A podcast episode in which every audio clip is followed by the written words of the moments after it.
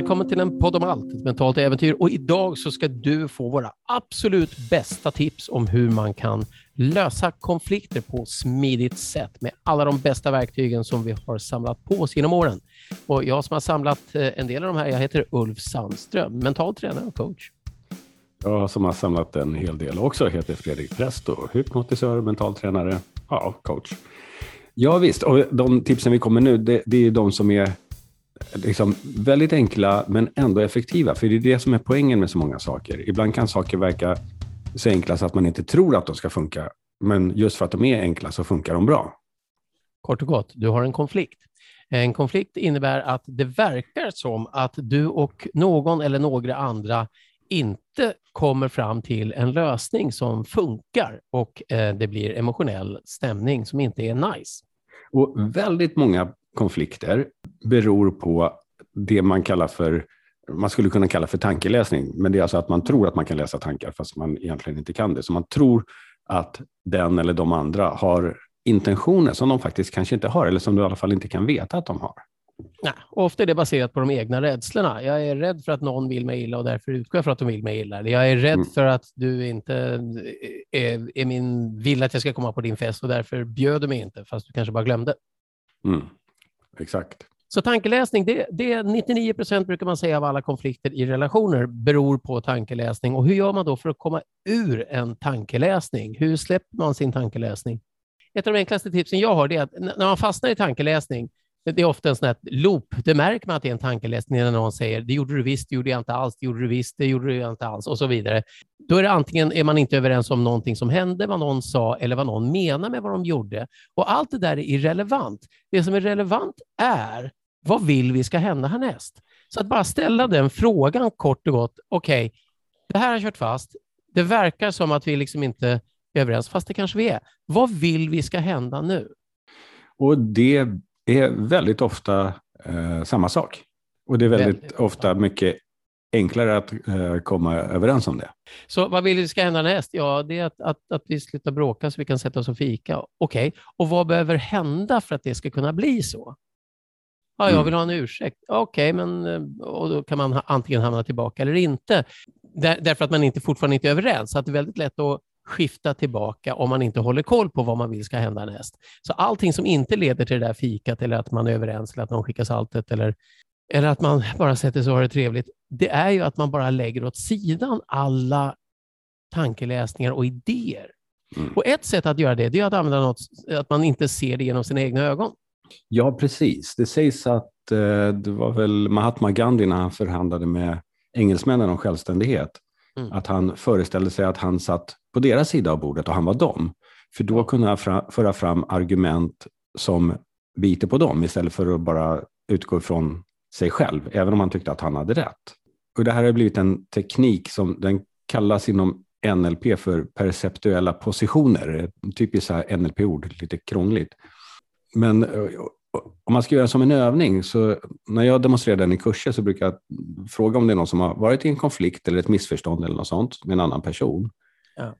Och sen så ställer fram två stolar, om de nu satt när de var i konflikten, men annars kan stolar markera positionerna. Och sen får man tänka sig in i den här situationen, att man själv får sätta sig i den ena stolen och så föreställer man sig den andra personen i den andra stolen. Så det är steg nummer ett. Och sen så får man ja, egentligen tänka på någonting annat så att man släpper det och sätta sig i den andra stolen och föreställa sig att man är den andra personen. Och här brukar jag säga då, du behöver inte hålla med den personen, du behöver inte tycka att den har rätt. Du behöver bara leva dig in i hur den personen uppfattar situationen. Och det här gör man ju i retorikkursen, när man övar retorik, att, att liksom argumentera saker. Man, man får först argumentera för en sak, sen får man argumentera mot en sak, bara så man förstår att det finns två sidor i allting.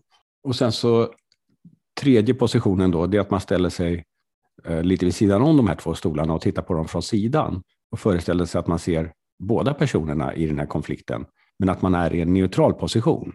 Och då kan man börja se saker som, som är gemensamt och, och det är där man kommer fram till den här biten som egentligen eh, Aldo Civico som är en konfliktförhandlare som har hållit massa kurser och som vi har gått en kurs för också. Han brukar säga att tipset är vad är den högsta gemensamma nämnaren? Vad är det man vill uppnå egentligen här? Och där kan man ofta då upptäcka, precis som med vad vill vi ska hända härnäst, så kan man upptäcka att ja, men här är faktiskt någonting vi gemensamt har som mål. Ett annat tips som han har är att man tar 100 procent ansvar för sin del av det här. Det. Men inte den andras del. Nej. Nej, precis. Det är svårt att göra.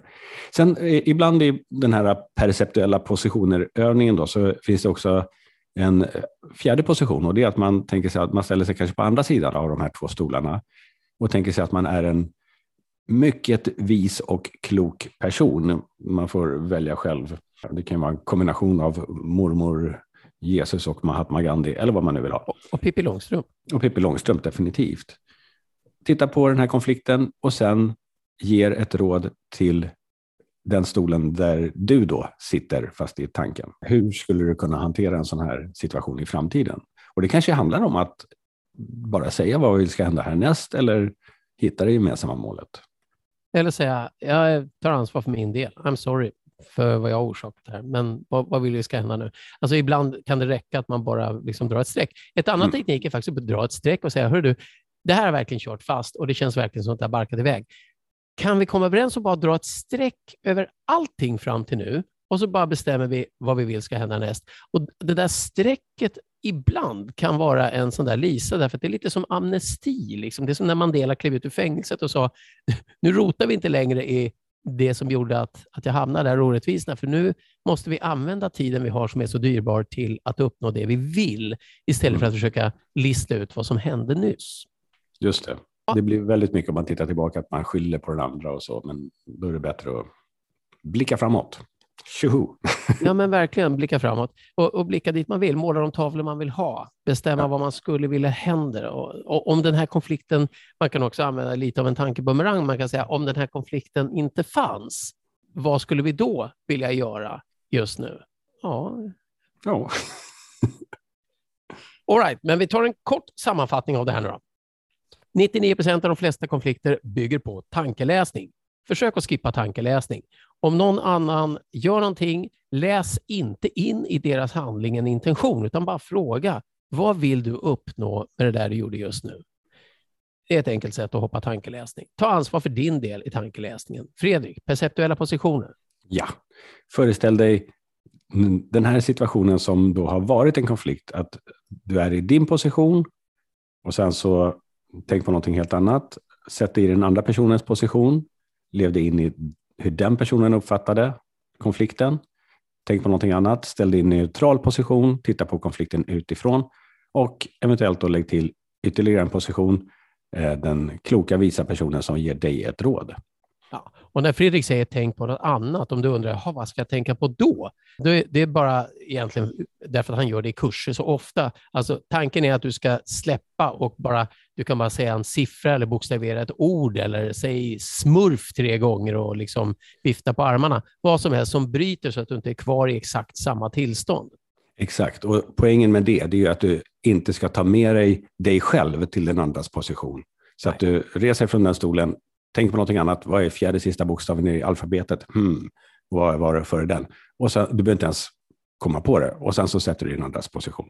Ja, och det där med att bryta tillstånd, det är också, du kan, eh, alltså om du verkligen vill hård gå in för det här, då kan du ha en skål med kallt vatten och så bara blaskar du ansiktet med kallt vatten mellan varje del, för då bryter du verkligen tillstånd. Inte bara tanken. Det har jag aldrig gjort i kurserna, men det ska vi ha. Nej, men det borde man börja med. Alla borde ha en hink med kallt vatten som de bär runt på. Då blir folk snällare också och får mer muskler. Aldo Civico-påminnelsen, ta 100% ansvar för din del, det vill säga din tankeläsning, din del, din projektion, det du vill. Och så fokusera på det högsta gemensamma nämnaren. Vad är det vi vill uppnå? Om konflikten inte fanns, vad skulle vi hålla på med just nu? Och så se vad det är som krävs för att man ska kunna göra det. Yeah. Ja, och så dra ett streck om du verkligen vill ha sista lilla tipset där. Dra ett streck och säg vad gör vi nu om vi bara kan släppa allt det här? Glömma det som att det inte fanns. Vad vill vi ska hända nu?